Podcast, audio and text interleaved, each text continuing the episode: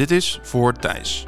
Ik ben Johan en in deze podcastserie neem ik je mee in hoe mijn leven met kanker en papa worden samenkomt. In 10 afleveringen komen verschillende thema's aan bod, van het eerste moment dat ik het hoorde tot het herstel en de controlefase waar ik momenteel in zit. Ook praat ik met familie, vrienden en collega's over de impact die het op hen heeft gehad. En dat alles voor mijn zoon Thijs, die pas geboren is als ik mijn chemotherapie start.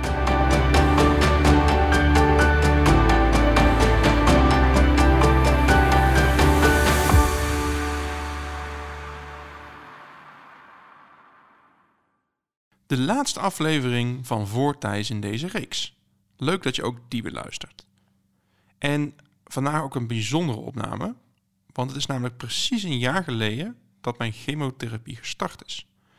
Dus daarom leek het me wel mooi om dit als afsluitende aflevering te hebben. En in deze aflevering terug te kijken naar hoe het eigenlijk nou met mij gaat. Of met ons, met Sanne en mij, met Thijs. Oftewel, één jaar verder. Hoe vind je nou eigenlijk dat het zelf gaat? En dat ga ik ehm, vandaag ook met, uh, met Sanne doen. Die heb ik uitgenodigd uh, voor de podcast. Dus uh, hoi Sanne.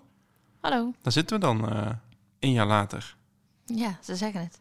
Ja, dan begin je meteen met de eerste vraag. Van, ja, voelt het een, een, een jaar verder? Voor mij namelijk niet.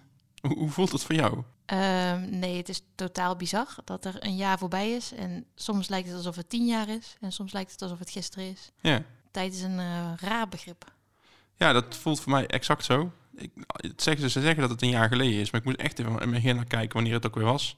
Vorig jaar, zeg maar. Wanneer het begonnen is en hoe dat ook weer ging. Nou, dat laat als wel zien dat het aan de ene kant dus lijkt alsof het al eeuwen geleden is. Maar aan de andere kant um, word je er op allerlei praktische dingen ook met, op de, op de, met de neus op feit dat het soms een jaar is. Soms voelt het als een soort half jaar, want dan tel je vanaf het moment dat het klaar is, hè, dat, je dan, dat ik aan het herstellen ben. Ja, dan is het nog maar een, een half jaar, een paar maanden of zoiets. Dan, dan ga je tellen vanaf november. En het is nu dat het opnemen is het, uh, is het juli. Dus ja. Negen maanden. Dat is Ja. een zwangerschap. Ja, ja zo kan je het ook kijken. Nee, dus het, dat moet ik wel zeggen dat het wel, wel, wel raar is. En echt wel ehm, een jaar wat nooit normaal, afgelopen jaar nooit normaal geweest is, denk ik. Ik heb er geen enkele week gehad dat, heb, dat ik tegen mezelf kon zeggen van, nou, dit is nou weer gewoon eens een normale week. Heb jij dat wel gehad? Nee, maar ik denk dat dat ook simpelweg komt doordat jij nog aan het reintegreren bent. Ik ben zelf pas net volledig uit de ziektewet. Dus ook voor mij wordt nu pas alles nou, normaal tussen aanhalingstekens. Die bij ons thuis is, is nog niks helemaal normaal. Dus ja, en hoe ziet onze normaal eruit? Dat is niet bekend. Dus wat ik vooral lastig vind, is dat je niet weet waar je naartoe werkt. En eigenlijk sinds, nou ja, sinds Thijs gekomen is en sinds jij ziek bent geweest, is ons leven niet meer normaal geweest. Ehm, maar hoe dat normaal eruit gaat zien, dat weten we ook nog niet. En als we dan kijken naar waar we nu staan, Johan, hoe gaat het dan met jou? Ja, dat is een. ehm, die vraag is altijd lastig. Die stelt heel, stellen heel veel mensen. Ehm, en ik antwoord hem net zoals net, met een, vaak een hele diepe zucht. En dat is niet omdat ik een hekel heb aan die vraag. Maar omdat ik altijd zeg van ja, iemand verdient dan een eerlijk antwoord. Ik wil dan echt zeggen hoe het gaat. En dat is dus niet zo te definiëren door goed of slecht. Ik voel me niet goed genoeg om te zeggen ja, het gaat goed. Maar ik voel me nou ook niet zo slecht om te zeggen ja, ja het gaat slecht. Dus het zit er altijd tussenin. En dat is wel lastig, want ja, hoe omschrijf je dat dan in een korte variant? En ik heb een tijdje een, eh, een geëikt antwoord gehad. Zo van, het gaat met stappen beter. Heb ik ook echt op, opgeoefend geoefend en bedacht van ja, Maar dat is ook wel waar. Dat zeker. Daar, dat is ook een eerlijk antwoord. Ja. Maar ja, ik merk toch wel de laatste tijd dat ik ook wel probeer om dan toch weer iets meer te zeggen. Omdat het geëikte antwoord ook alweer ehm iedereen het verwacht of zo. Maar laat ik hem dan anders stellen. Waar zit het hem dan in dat het wel goed gaat en wat gaat er dan nog niet goed? Nou ja, ik ben nog steeds met herstel bezig. En het, zoals ik leef, gaat niet zoals ik wil dat ik leef. Zolang dat niet is, zeg ik niet het gaat goed met me. Want ik word gewoon tegengehouden door mijn lichaam, mijn energie en mentaal. Ik denk dat dat de drie voornaamste klachten, als je ze klachten eh, moet noemen, ehm, nog mee, mee zit of in het, aan het herstellen ben. En zolang die drie nog niet oké zijn, en daar heb je alweer een term, eh, slecht, goed en misschien oké. Dus misschien is dat een goede, maar zolang die drie nog niet in orde zijn, voel ik me dus nog niet goed. En, en heb ik dus geen. Kan ik dus niet volmondig ja zeggen. Dan zou ik liegen als ik zou zeggen van ja, het gaat goed. Ja, dat is maar wat betekent dan voor jou goed of oké? Is dat zoals het vroeger was? Nee, ehm, het is meer, meer heel, heel praktisch als in geen pijn. Of gewoon een dag niet moe. Of eh, een, een dag een keer niet denkend aan allerlei dingen die gebeurd zijn of waar ik mee zit.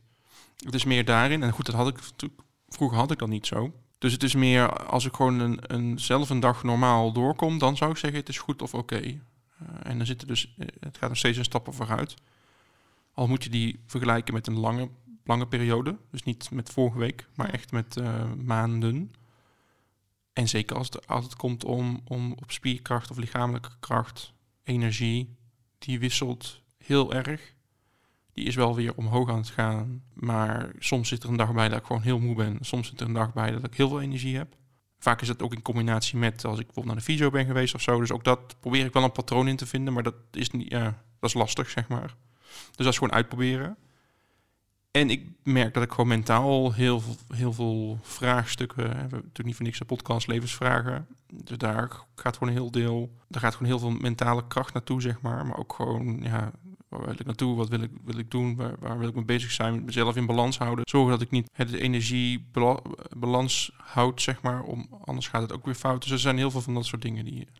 En wat, ehm, wat doe je dan nu zoal om daar mee bezig te zijn of om dat te verbeteren? Een stuk mentaal bijvoorbeeld? Nou ja, het gaat sowieso heel erg langzaam. Ik ik heb natuurlijk gewoon professionele hulp die daarbij helpt. Dus een psycholoog eh, waar ik mee praat. Ik heb een tijdje terug mezelf, ja, zoals je het in, zakelijke term noemt, eh, op de hei gaan, zeg maar. In ieder geval een dag gehad waar ik eh, mezelf heb opgesloten in een kamer eh, en met post-its aan de slag ben gegaan van oké, wat, welke vragen heb ik nou? Of wat, wie ben ik nou? Of waar wil ik naartoe? Of hoe wil ik mijn week indelen? Dat soort dingen. En daar ben ik nog steeds mee bezig. Ik heb voor mezelf een soort van dat wil ik uitwerken. En dan niet zozeer dat het dan in, op papier staat of gegoten is, maar meer een overzicht creëren. Omdat dat er wat chaos is van ja, waar begin je nou? Wat wel vragen zijn er wel beantwoord of hoe. Dus meer dat, zeg maar. En die moet altijd bijgesteld worden. Het is niet zo van oké, ik heb het nu één keer uitgewerkt en nu is het klaar. Ehm, maar dan heb ik voor mezelf een soort rust, omdat ik het overzicht ergens heb. En waar ik naar kan kijken in plaats van dat ik steeds dan dat weer moet bedenken. Ja, dat zijn vooral een beetje de mentale dingen. En ik, het kost ook wel tijd, denk ik. Het is niet van een op andere dag je zegt van ja, god, nou is het eh, vink klaar.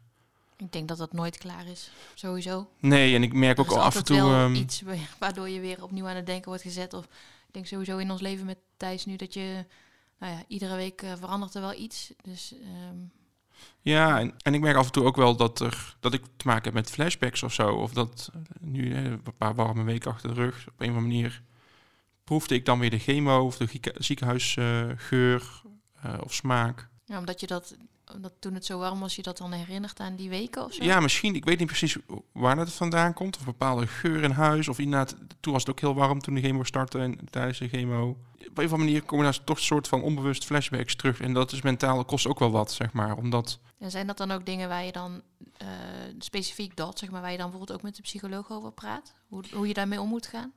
ehm, nou ja, dat is een ding wat nog, nog, nog te bespreken is, zeg maar. Maar dat zijn wel zaken die ik bespreek bij de psycholoog. Van hoe gaat het, wat heb je meegemaakt?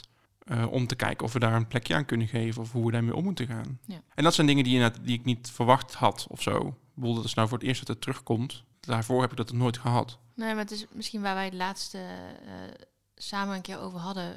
Wat ik in ieder geval merk aan jou, is dat er nu, nou ja, sinds een paar maanden meer ruimte is voor jouw mentale staat, om het zo maar te zeggen. hè, En, en waar je dan tegenaan loopt. En dat dat dan nu weer een beetje in de weg staat van je fysieke herstel. Of dat het misschien een beetje stagneert op de een of andere manier. Terwijl de eerdere maanden was de aandacht vooral op je fysieke herstel. En ik denk ook dat dan ja, daar nu dus pas ruimte voor komt. En ja, je lichaam kan maar één ding tegelijk. Hè? Dus het, eh, dat, Nee, dat, dat is, ik denk dat het sowieso in ver- verband staat ook. ja. Ehm, dat merk ik heel erg met mijn energie. Waar ik bijvoorbeeld achter ben gekomen is dat zodra ik lichamelijke oefeningen of lichamelijk inspan, zeg maar. Dus ik ga nu drie keer per week naar de fysio toe. En als ik dat dan 's ochtends doe, eh, dan merk ik dat ik daar heel veel energie van heb of krijg. Dan is het lichaam een beetje geolied, om het zo maar te zeggen. Dus die is dan al warm gelopen. En op de dagen dat ik dat niet doe, dan merk ik juist meer klachten of een, toename van weinig energie. En Mm. dus, dus ik merk daar meteen een direct verschil op. En ook da daar heb je ook soms van, van dat soort mentale kronkeltjes, zeg maar. Als je gewoon een leuke dag hebt of zo en het gaat lekker, je hebt goed in je energie, dan, dan is die mentale status beter of wat naar de achtergrond. Maar zodra je dan weer moe bent of een moment van, rust hebt, ja, dan komt het soms weer naar boven toe. Nou, wat je denk ik wel merkt, dat merk je bij jou, maar dat merk je bij mezelf ook. dat je, het heeft wel, ehm, het heeft, afgelopen jaren heeft heel veel energie gekost. Eh kost het nog steeds hè, op bepaalde vlakken. En dat je inderdaad gewoon wel merkt dat je daardoor nou, sneller aan je tak zit, om het zo maar te zeggen. Dus eh, nou ja, ehm, eerder misschien eh na het moe bent, geïrriteerd bent, kort lontje hebt. En dat, dat je dat dan ook hè, onderling wel eens merkt. Eh, meer dan voordat dit allemaal gebeurde. En dan denk ik dat het ook echt wel normaal is dat dat zo is. Ik denk ook dat het alweer een heel stuk beter gaat dan dat het een aantal maanden geleden was, toen wij de eerdere podcast opnamen. Dus in die zin, wat jij daar straks ook benoemde, je moet kijken naar ehm, herstel en naar vooruitgang op over langere periodes. Ja. Als je alleen kijkt naar gisteren of naar vorige week, dan denk je, nou, eh, het schiet niet op misschien. Nee, inderdaad. Maar als je kijkt naar een maand, twee, drie, misschien wel vier maanden soms, is er echt wel vooruitgang te zien. Daar ben ik ook nog steeds van overtuigd. Ja, dat Ja. is ook echt zo. En dat is ook iets waar ik aan moet vasthouden. Al is dat Ja. dus wel soms heel erg moeilijk. Zeker als je dan gewoon, eh je bent nu een jaar verder, ook een jaar ziek officieel, zeg maar. Ja. Dat betekent ook van alles. Dus er, het leven gaat ook gewoon door, zeg maar. Hè, Dus je, de, de, de behandeling is al, al lang, de zaak ja, is het klaar. is maar net hoe je het bekijkt ook, hè? Want je zegt, ik ben een, eh, je bent een jaar bezig, je bent een jaar ziek. Nou ja, ziek als in, in de ziektewet. Eh, Nou ja, je bent op dit moment en- wel schoon, hè? Dus dat, dat is echt sowieso een ding. Ja. Maar Maar vanaf wanneer ga je tellen ook, hè? Dus ga je pas kijken vanaf dat jij klaar was met je chemo's, dan ziet dat tijdsbeeld er alweer anders uit, hè? Ja, dat is dus het, het lastige. En daar hebben we het bijvoorbeeld laatst eens over gehad. Ik had ineens een gedachte kronkel van, moet, moeten we iets vieren als in van, Ja, van, is het een jaar geleden of zo? Maar wat, welk moment pak je dan? Pak je dan nou, moment? dit, dit moment niet. Nee, maar, maar hè, wanneer zou je dan pakken? Zou je dan de start van de dingen? Of zou je dan het, Het einde moment- wanneer, ja, wanneer je klaar bent? Of het moment dat je schoon bent? Of ik dat denk het, dat dat laatste in ieder geval, vroeg Ja. bij mij. Ik zeg, ja, als je iets wil vieren, dan zou ik het moment vieren dat je, dat je schoon was. Ja, maar ook dat, dat brengt dan meteen weer van... Het voelt veel langer, want dat is februari dit jaar. Ja. Nou ja, daar, zit, dat zit, daar zit nog bijna een half jaar tussen, zeg maar. En ook dat is... ehm, daar loop je ook meteen tegen de... eh, Als we dan ook bijvoorbeeld een klein stukje over het werk hebben... Hoe dat dan gaat bijvoorbeeld, Ja. integratie. En daar loop je ook gewoon tegen allerlei zaken aan. Maar daar op- rekenen ze wel met, je bent een jaar ziek. Ja, Dus op het moment dat ik gebeld heb, wij spreken van ik ben ziek. Eh, en dan niet, ja, eh, ik ben dan was dan zo open om te vertellen wat er is. En dat hoeft dan nog ineens niet te Nee, vertellen. Maar goed, je niet, maar- we- ja, het voelt een beetje als ik ben pas vanaf november begonnen met terug opbouwen. Dus hè, in juli Ja, en dan heb je het echt nog over heel bazaal weer terug tot jezelf Ja, maar komen. Nog niet eens echt met eh, Nee, gaan denken aan werk. Nee, dat is februari. Precies. Dus ik probeer het in januari, maar februari ben ik pas echt begonnen met werk. Maar Ja. als je dat dan vergelijkt, en je wordt wel gerekend op een jaar ziek. Dus je krijgt allerlei eh, regels van, van met het UWV krijg je te maken, met onderzoeken krijg je te maken, eh, looninhoudingen. ehm, er komen van allerlei dingen bij kijken. Nou, en dat is denk ik in ieder geval eh, wat je nu benoemt, ook wat veel mensen misschien niet beseffen. Kijk, je bent dan misschien wel schoon vanaf eh, eind februari, maart, dat we dat weten. Ehm, maar daarmee is het nog lang niet gedaan. Hè? Je, Nee. je bent inderdaad nog bezig met jouw fysieke en mentale herstel. Maar eh, wat jij net benoemt met het UWV en dat je wordt gekort op je loon. En ehm, nou ja, sprake van eventuele sporen 2 in je reïntegratie. Nou gaat dat gelukkig niet gebeuren. Maar al dat soort factoren, die komen er allemaal nog achteraf Ja, dat bij. zijn en die wel- zorgen wel, echt voor eh, stress. Om een beetje meer, inhoud te geven als iemand die daar niet ehm, nu in verdiept. Wij zijn daar nu Ja, een beetje verdiept klopt. in, maar iemand die dat niet weet. Maar als je 15 maanden ziek bent, ehm, dan moet er gekeken worden van... oké, is er een andere, betere plek waar je sneller zou kunnen integreren... eh, en eh, ehm, ja, waar je sneller je werk, zou, werk kan oppakken in het algemeen, zeg maar. En dat zou dus ook kunnen betekenen dat je dus je huidige, huidige baan... dat je daar dus moet, moet gaan solliciteren om ergens anders te gaan werken... zodat het eh, sneller gaat of beter gaat of, of passender is. Of ja, het ligt maar net aan welke ziekte je hebt, zeg maar. En dat soort dingen zijn allemaal ja, die zo'n beetje eh, op een jaar, als je een jaar ziek bent, gaan spelen. Dan moet er allemaal onderzoek gedaan worden. En dan, dat brengt best wel wat stress met zich mee. Dus ik heb zoiets van, ik ben gewoon volledig met mezelf bezig om beter te worden. Nou ja, en je zit ook in een begeleid traject. Hè? Je wordt begeleid door een bedrijfsarts, door een reïntegratiecoach. Dus Ja. je zit in een opbouwend begeleid traject. En als je dan in één keer geconfronteerd wordt met het feit dat je mogelijk zou moeten gaan solliciteren op ander werk, dan zorgt dat absoluut voor stress. Nog Ja. even los van de, van de loonkorting, waar je natuurlijk thuis eh, mee te maken krijgt en waar je dan ook weer mee om moet gaan. Ja, dan moet je ook Ehm. weer iets op verzinnen. Of in ieder geval, daar moet je mee... Nou ja, ja. in ieder geval alles weer opnieuw in kaart brengen. Wat betekent dat voor ons? Hoe Ja. lang gaat dat duren? Ehm, ja, wat is de impact daarvan? Dus er, er zijn best wel veel factoren nog die daar rondomheen, waar je nog mee te maken krijgt.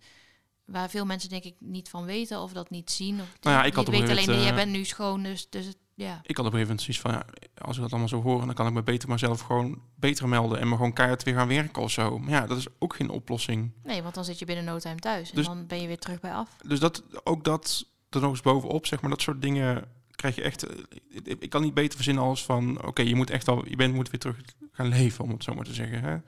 Ondanks en alles probeert om, om beter te worden. En dus wat ik, wat ik bedoel met, je, je moet weer echt weer terug gaan leven. Dus je moet weer van alles. Je moet echt, je moet eigenlijk weer beter zijn. Ook al kan je dat niet forceren in mijn geval. Nee, en enerzijds is het ook goed, vind ik, dat je op Ja, een je moet een bepaalde manier wordt ge- gedwongen. Een soort stok achter de deur hebben, zeker. Ja, precies. Dus Ehm, het is natuurlijk ook, nou ja, voor jou misschien niet, maar voor andere mensen wellicht verleidelijk om wel thuis te blijven zitten. Dat zit niet in jouw aard. Nee. En dat is ook waarom het denk ik voor jou frustrerend voelt, omdat je... eh, ja, alles eraan probeert te ja, doen. je doet er de- alles aan. Je doet het onder begeleiding. Dus het Ja. is een soort slow and steady wins the race eh, principe. Hè? Dus je, je bent het in een goed begeleid tempo aan het opbouwen. Waardoor het nu heel tegenstrijdig voelt dat je daar dan mee geconfronteerd wordt. Voor andere mensen in andere situaties het misschien wel goed is dat er zo'n stok achter de deur is. Dus ik begrijp ook wel dat die regelgeving er is. Maar hij is voor ons wel, voor jou, eh Hij is af en toe gewoon ja, hard. ja, ra- ja, hard, raar. Niet, En het niet feit dat je gaat tellen vanaf het moment dat jij ziek bent gemeld en niet vanaf het moment dat je bent begonnen aan je reïntegratie. Ja. ja. En dat is natuurlijk ook voor ieder ziektebeeld weer anders. En, en die regels zijn voor iedereen gelijk. En dat, is ook, eh, dat maakt het natuurlijk ook complex. Er wordt eigenlijk weinig gekeken naar je persoonlijke situatie. Nu gelukkig in de, het gesprek met de arbeidsdeskundige heeft zij dat gelukkig wel gedaan. En is er dus ook besloten dat jij gewoon je traject mag voortzetten en dat dat gewoon eh, zo doorgaat. Ja. Maar je hebt wel weer de confrontatie, wel weer de stress ervan. Ja, het, het helpt mijn situatie niet heel veel mee. En gelukkig Nee. nu eh, het, de sport 2 van de tafel is, zeg maar. Hè, sport 2 is normaal gesproken is dat je moet gaan, solliciteren, ja, moet gaan solliciteren. Of in ieder geval een andere baan die passend is gaan zoeken. Dat is dan voorlopig voor mij van de, van de tafel af. Ja, dat geeft wel weer een verlichting. Dus ik merkte echt wel eh, een dag na die afspraak, of in ieder geval dezelfde dag nog. Nou, je dat was, daar wel heel erg mee ik, zat- bezig. ik had bijna eh, zoiets van, ik ga een taart kopen. Dus, Ja. Maar het feit dat dat... dat nou, het is je, ook een stukje erkenning van dat het proces waar je in zit, dat dat goed is. Ja, maar het feit dat dat, dus, dat, dat het sentiment is, betekent dus dat het er heel veel druk op opgelegd heeft. En ik denk niet dat dat ehm, ehm, goed is. Nee dat, is, nee, dat is zeker niet goed. Dat heb ik ook wel aan jou gemerkt, dat, dat je dat veel stress heeft opgeleverd. Ja. En dus mij indirect ook weer meteen.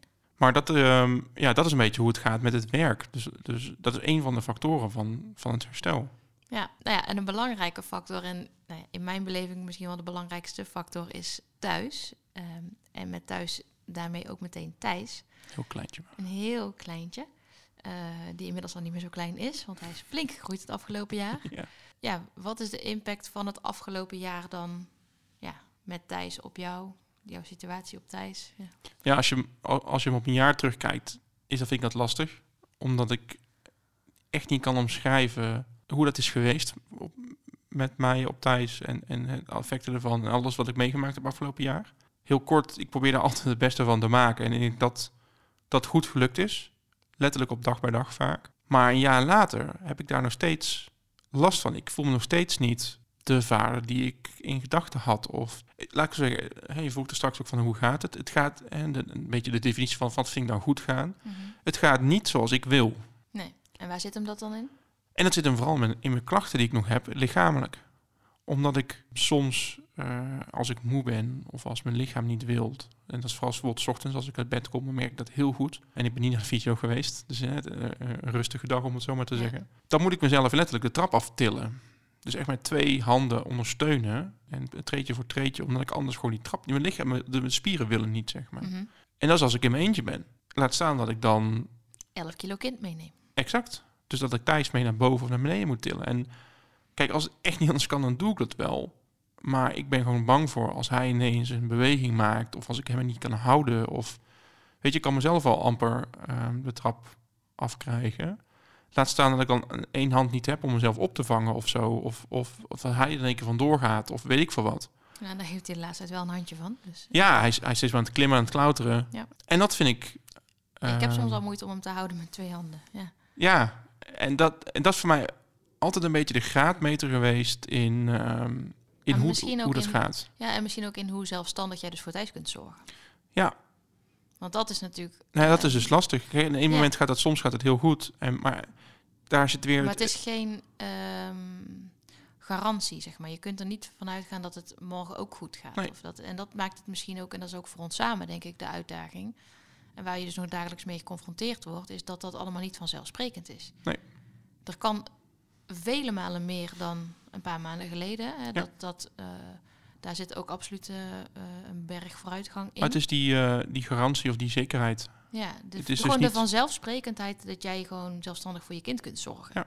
Ik denk dat dat voor jou, dat lijkt me ook mentaal voor jou best wel ingewikkeld. Zeker. Het is voor ons in praktische zin ingewikkeld, want het betekent dat ook voor mij dat iedere dag zeg maar gepland moet worden van ons leven. Dus Nou, hè, moet een wij, soort, kijken, wij ehm, kijken vaak naar de week van oké, hoe ziet die eruit? Wat Ja. heb ik? Wat heb jij? Kan ik weg? Eh, als ik weg ben, red je dat dan alleen? Of moeten we iets anders organiseren? Of het is ja, een niks soort- is. We moeten bijna een soort, altijd een soort backup hebben. Want als we het begin van de week denken, het einde van de week, oh, dan kan ik wel even een middag of een dag alleen zijn met Thijs.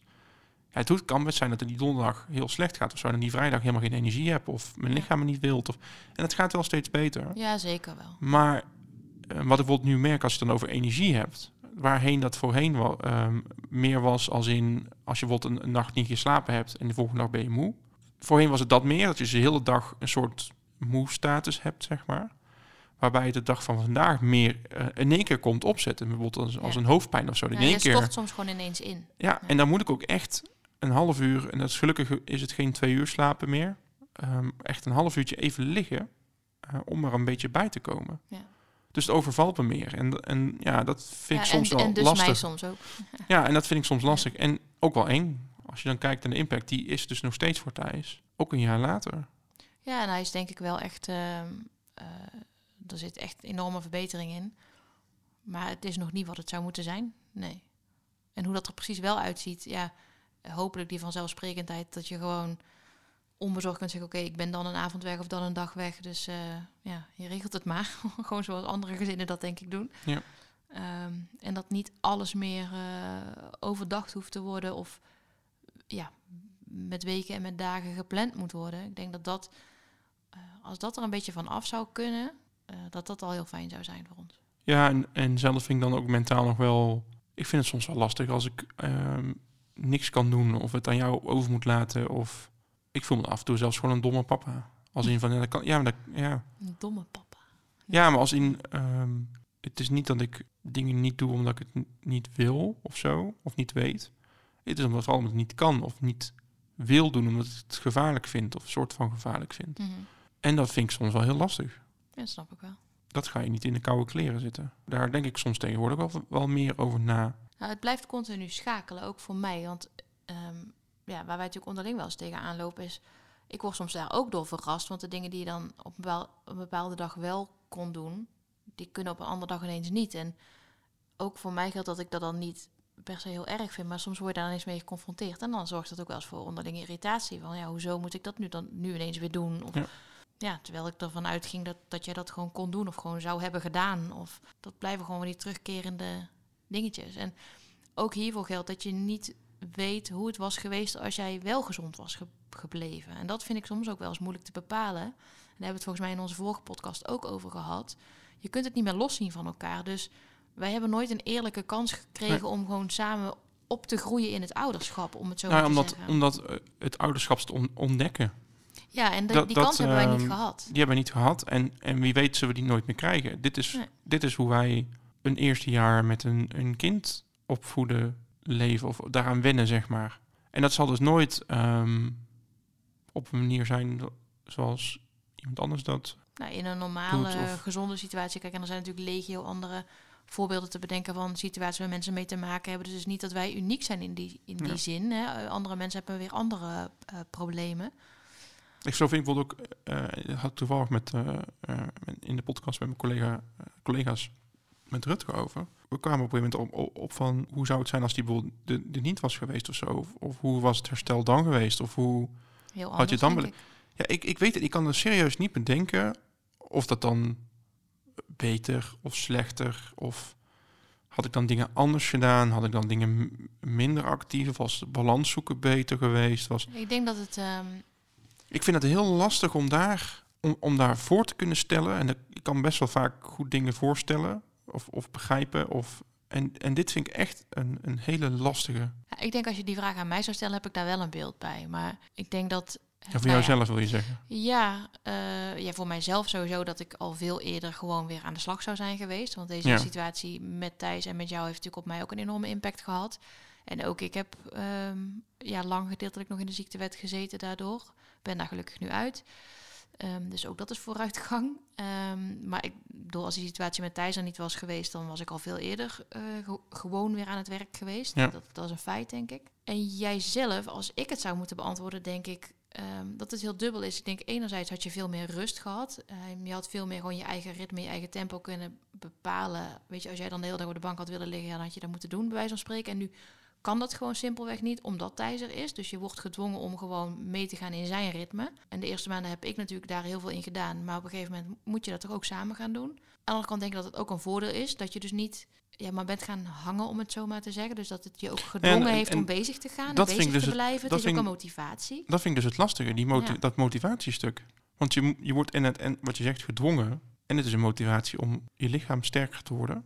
Ja, en die motivatie had je misschien anders minder gehad. Ja, weet, dat weet ik dus niet. Of Dat- op een andere manier. Eh, dus ik denk dat het aan jouw kant heel dubbel eh, is. Nou ja, en, en, da- en daarom vind ik het dus zo lastig. Omdat ik dan dus niet weet waar dan de prio's lagen. Of de... Ja, weet je, want dit zit ook een deel in mij om niet ziek te zijn, zeg maar. Of om... om Nee, dat klopt. Maar ik denk ook Ehm. dat er, kijk, een deel van jouw vermoeidheid zit in je herstel. Maar ook een deel vermoeidheid is gewoon het jonge ouderschap. Thijs, ja. En die, Ja. de, die factor had je dan niet gehad. Dus je kunt eigenlijk niet beoordelen hoe je je dan Nee, had maar gevoeld. Dat, dat, ben- dat bedoel ik dus. Ja. Daarom vind ik het zo lastig om daar een goede voorstelling van te maken. ja, dat van wat is dan... bijna niet. Maar, Nee, maar dat, dat, het is een hele, ehm, hele bijzondere situatie. Ja, Om daar zeker. een, iets van te kunnen begrijpen. En ik denk ook niet dat, het, dat je dat moet doen. Ik denk dat het... Ja, dit, dat is Maar het heeft geen zin. Ook dat. Het ehm, verandert de situatie niet. Hij is zoals die is. Nee. Hij, eh, ja, dit heeft ons nou eenmaal op deze manier eh, getroffen. En daar zijn we zo goed en zo kwaad als het eh, gaat mee omgegaan. En dat doen we nog steeds. En nou ja, dat is met pieken en dalen. Hopelijk ja, worden de pieken steeds hoger en de dalen steeds minder diep. En ik denk dat dat, als ik kijk naar de afgelopen maanden, dat dat absoluut zo is. Maar dat het nog steeds dagelijks wel zijn impact heeft, is ook een feit. Ja. Ja. Ja, we hadden het er net al over van hè, hoe, hoe reken je eh, de tijd vanaf dat je begonnen bent of eh, vanaf dat moment dat je schoon eh, bent verklaard. Nou, dat laatste was eind februari, begin maart ongeveer. De eerstvolgende scan is alweer bijna aanstaande. Dan zijn we zes maanden verder ongeveer. Ja. Die is half augustus. mhm. Hoe kijk je daarnaar? Ik denk dat dat voor mij tot nu toe de lastigste scan gaat zijn. En ik, ehm, ik ben nooit voor de controles angstig geweest. Ik heb dat nooit, eh, ik ben daar nooit bang voor geweest. Ik heb altijd wel een soort spanning. Kijk, in februari was het natuurlijk ook spannend om, om ja, ook, en ook eh, misschien is dat heel raar, maar ook weer niet, omdat je weet dat de chemo heeft zich heeft a- is aangeslagen. Dus misschien jij zelfs had toen geen verwachting van het feit dat je misschien schoon had, zou nee, kunnen zijn. Dat, dat, dat sowieso. Maar als je dan vergelijkt, misschien was die van oktober dan nog wel spannend, omdat dan de, het oordeel komt van, oké, heeft de chemo iets gedaan? Precies, ja. Ehm, februari was het meer zo van, hoe ver is het verbeterd? hoe ver is die weg? En, ik- van mezelf had ik al ingesteld, oké, hij is niet helemaal weg. Dat kan bijna niet of zo. Zo'n soort instelling had ik. Ja. Dus en toen die- bleek die toch ineens wel weg te zijn. Ja. Ja, maar wat ik er dus mee wil zeggen is, ik heb daar dus niet echt heel veel spanning voor gehad. En zeker geen angst, zeg maar. Mhm. Eh, ook na de chemo, ja, oktober was ik ook gewoon met heel andere dingen bezig. Dus ik had zelfs geen ruimte om angstig te zijn van, ja, zou het nou wel of niet aangeslagen zijn? Maar dit is dus de eerste scan, ook van alle andere scans die ik ooit de afgelopen eh, vijf jaar gehad heb, zeg maar, waar ik toch wel wat angstig voor ben. En dat heeft mee te maken dat ik, eh, en daar had ik dan ook weer met eh eh, Rutger over eh, in, de, in de podcast met collega's. Ik vertrouw mijn lichaam niet meer. Nee. En dus ik heb de laatste maand af en toe wel eens wat buikpijn. Of, of wat, wat steken in mijn buik, om het zo maar te zeggen. Ja, het eerste wat er dan in me opkomt van, zou dat niet... Er zit weer iets. Ja. er zit er iets. Van, is het niet weer een uitzaaiing of zo? En, en ik denk dat ik daardoor wel wat meer angstig ben. Dat ik dan straks weer te horen krijg van, ja, er zit weer wat. En er moet weer chemo of zo. Ergens ben ik daar al wel mee bezig. Heel dat, graag. Dat dat zou kunnen gebeuren. Ja, Mhm. En dat ik dan meteen weer mezelf zie liggen op het bed eh, met de vieze smaak, met Misschien eh komen daar ook wel je flashbacks een beetje vandaan. Ja, Dat dat Ja, moment dat- dat zou kunnen. is. en ik merk dat ik daar heel onrustig van word. En dus ook wel wat angstig dat er weer wat gevonden wordt. En daar zit helemaal eh, totaal gebaseerd op niks. Maar je zit dan wel van, ja, ik heb tegen jou ook, ook verteld, ik kan niet naar de huisarts toe of zo. Ja, wat kan die doen? Ja, ik kan het een beetje voelen. En over een paar weken heb ik die CT-scan. Het is niet dat ze dan die ineens morgen kunnen doen, hè, want de zorg wordt overspoeld met, met alles en nog wat. Dus het is niet dat ze dat nu ineens sneller kunnen doen. Nee. En, da- Ehm, en er is ook geen aanleiding om daar echt een scan van te maken. Dat is meer omdat het ja, in jouw het, het zit in je hoofd, hoofd. zit. Ja. Het zit echt in je hoofd. En er is totaal geen aanleiding. eh, hè, eh, mijn bloedwaardes worden gecontroleerd. Ook al heb ik daar nooit zo heel veel vertrouwen in. Hè, meer als in van de, die, de, de vorm die ik had, kunnen ze niet uit de, de markers halen. Dus dat zegt er voor mij nog niet zoveel. Het is meer een controle op, op al het andere. Nee, dat zegt allemaal niks. Dus de controles waren in februari zo goed dat ze ook helemaal geen extra scan wilden. En aan de andere kant weet ik ook, eh, CT-scans zijn niet goed voor je nieren. Dus ja, je moet ook niet te veel doen. Want dan heb ik weer, straks weer een ander probleem, bij wijze van Ja. spreken. Maar het, ja, ik moet zeggen dat Voor ik dus... eerst ja, en dan niet voor zozeer voor de CT-scan zelf, maar Nee, echt de, de, de uitslag. uitslag, ja. De, ehm, alhoewel ik wel weer benieuwd ben hoe ik op een infuusprikken ga reageren. In Hm. februari viel dat wel mee.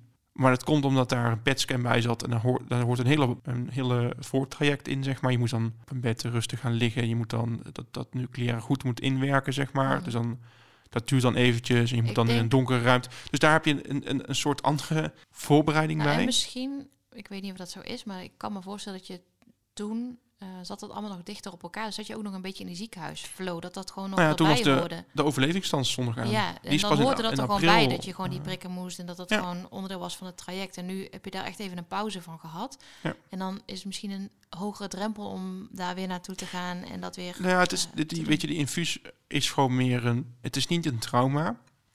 Daar heb ik met de psycholoog wel toevallig over gehad, eh, Mhm. hoe ik dat dan voel. Het is niet iets waar ik ehm, s'nachts zwetend wakker van word. eh, oh, allemaal infuus over me heen of om me heen of wat dan ook. Dat, dat niet. Ik weet wel dat wij toen, in oktober was dat, november. Toen zag ik op een gegeven moment een infuus op tv, daar kon ik niet tegen. Ja. Een mooie anekdote is ook weer, eh, volgens mij is Thor, Love and Thunder. Ik ben Ja. een Marvel-fan, is in oktober Ja. volgens mij uitgekomen. Ja. Komt een kleine spoiler alert aan, maar daar zit iemand in de film, die heeft ook kanker. Ja. Ik denk dat ik denk het eerste kwartier van de film, die zit op een stoel met een infuus, met een chemozak. En ik denk echt, Wat is dit? En dat trok ik dan wel ergens weer wel, omdat ik zoiets had van, ja hoor, Het was, tuurlijk. bijna, het was bijna hilarisch eigenlijk op een Ja, dus daar trok ik dan wel. Maar alle andere... We hebben toen een keer een serie of een documentaire, ik weet het niet Ja, meer. die wilde niet kijken. En daar kon ik niet naar kijken. Nee. En ik heb nog steeds wel een beetje... ehm, ja, dus daarom ben ik heel benieuwd hoe ik daarop ga reageren. Ja. Infusen zijn een beetje een... eh, Een ding. ehm, was een soort licht trauma. Ja. Dus dat, ja. Ja, dat gaan we meemaken. Dus deze. TC-scan voelt heel anders. Ja. En als ik dan de vraag terug aan jou stel, hoe, hoe beleef jij hem? Of hoe ga jij hem beleven? Of Ik vind het doodeng. Ja, laat ik daar helder over zijn. Ik, ik heb waarom? Of- Ik heb de, ja, ik denk dat ik de scans altijd spannender heb gevonden dan jij. Ik denk dat het sowieso op een bepaalde manier voor een, nou, ik niet zozeer buitenstaander, maar voor, voor mij als partner een andere beleving is dan jij die ziek bent. Ik beleef die situatie heel anders dan jij. Dat hebben we al vaker eh, geconcludeerd. En ik hoor ik dat ook wel eens vaker om me heen. Mensen die in dit soort situaties zitten, dat dat wel vaker voor, zo voorkomt. Dus ik denk dat dat niet per se raar is. Ja, voor mij haalt het ook een hoop naar boven, een hoop angst. Ehm, ja, in eerste instantie natuurlijk de angst van ja, dadelijk kom ik er alleen voor te staan met Thijs. Eh, ja, daar word ik dan nu daar weer mee geconfronteerd natuurlijk. Plus waar ik wel... Oh, oh, oh, je onderbreken. Ook dat is een, een emotie die meespeelt bij mij. Niet zozeer van ik, moet, eh, ik laat jullie achter. Maar de Mhm. primaire reden is, of de primaire emotie is meer van, dan zie ik mijn eigen kind niet opgroeien. Ja. Dan zie ik niet wat die wordt. Eh, op een of andere manier zit, ik krijg altijd een vraag in mijn hoofd van, dan weet ik niet hoe die, hoe, die is als die 18 is. Ja, snap ik. Dat vind ik ook lastig. Dat is de eerste keer dat je dat zegt. Dat kan. Ja, het is, het Maar die is- zitten langer in mijn hoofd. ja, nee, dat, dan neem ik aan dat die er Maar ik vind zit. dat, ik vind dat heel, ik vind dat Ja. heel lastig. En Jij misschien- praat daar niet zo over, over dat soort dingen. Kijk, ik Nee. ben daar eh, iets opener in. En Ja. eh, kijk, voor mij zijn dat vanaf het begin af aan natuurlijk angsten geweest waar ik mee te dealen Maar had. dat komt misschien ook omdat dus die ruimte dus bij mij nu meer is. Precies. Nou, ik heb daar ruimte Voor april heb ik daar echt geen, geen moment aan. Ja, dat klinkt heel stom. Nee, dat klinkt niet stom. Maar, en voor mij was het het allereerste waar ik aan dacht. Ja, en voor mij dus niet. Nee. Ik heb daar geen ruimte voor. En nu komt dat allemaal pas een beetje. Ja. En ik zou het echt heel erg verschrikkelijk vinden als ik thuis niet kan zien opgroeien. Ja, dat, ja. En wat, wat ik dan altijd raar vind, met dat ik dat dan zeg, denk ik van ja, dat denkt toch elke vader. dat denkt ook elke vader. Alleen Niet iedere vader is er, wordt daar op deze manier mee Nee, geconfronteerd. bij, mij, bij mij ligt dat heel. dan ook of ja. die levensvraag ook hebt, die ligt Ja. heel erg bovenop. Dit is ook zo'n ding. Nou ja, je wordt met je eigen sterfelijkheid geconfronteerd, zoals Ja. gewoon niet iedereen op deze leeftijd met jonge kinderen daarmee wordt geconfronteerd. je moet daar niet mee, je hoort op deze le- leeftijd ben je daar niet mee bezig. Nee, Maar iedereen voelt dat wel. En bij mij is die eh, in het kwadraat. Dat denk ik ook, ja. En voor mij oh ja, op een andere manier ook. En Ja. Voor mij is het ook een enorme angst om er alleen voor te komen staan. Met Thijs ook nooit hoe ik het bedacht had. En kijk, iedereen weet altijd, je loopt altijd het risico. Je kunt altijd een ongeluk krijgen, onder een bus lopen, onder een... Nou, bedenk het. Er kan van alles gebeuren. Ja. Er kan van alles gebeuren en dat kan ook ons overkomen. Hè? Eh, dus je hebt nooit garanties in het leven. Maar op deze manier daarmee geconfronteerd worden is wel heel erg heftig. Zeker zo kort na een geboorte. Dus die emotie is natuurlijk heel heftig.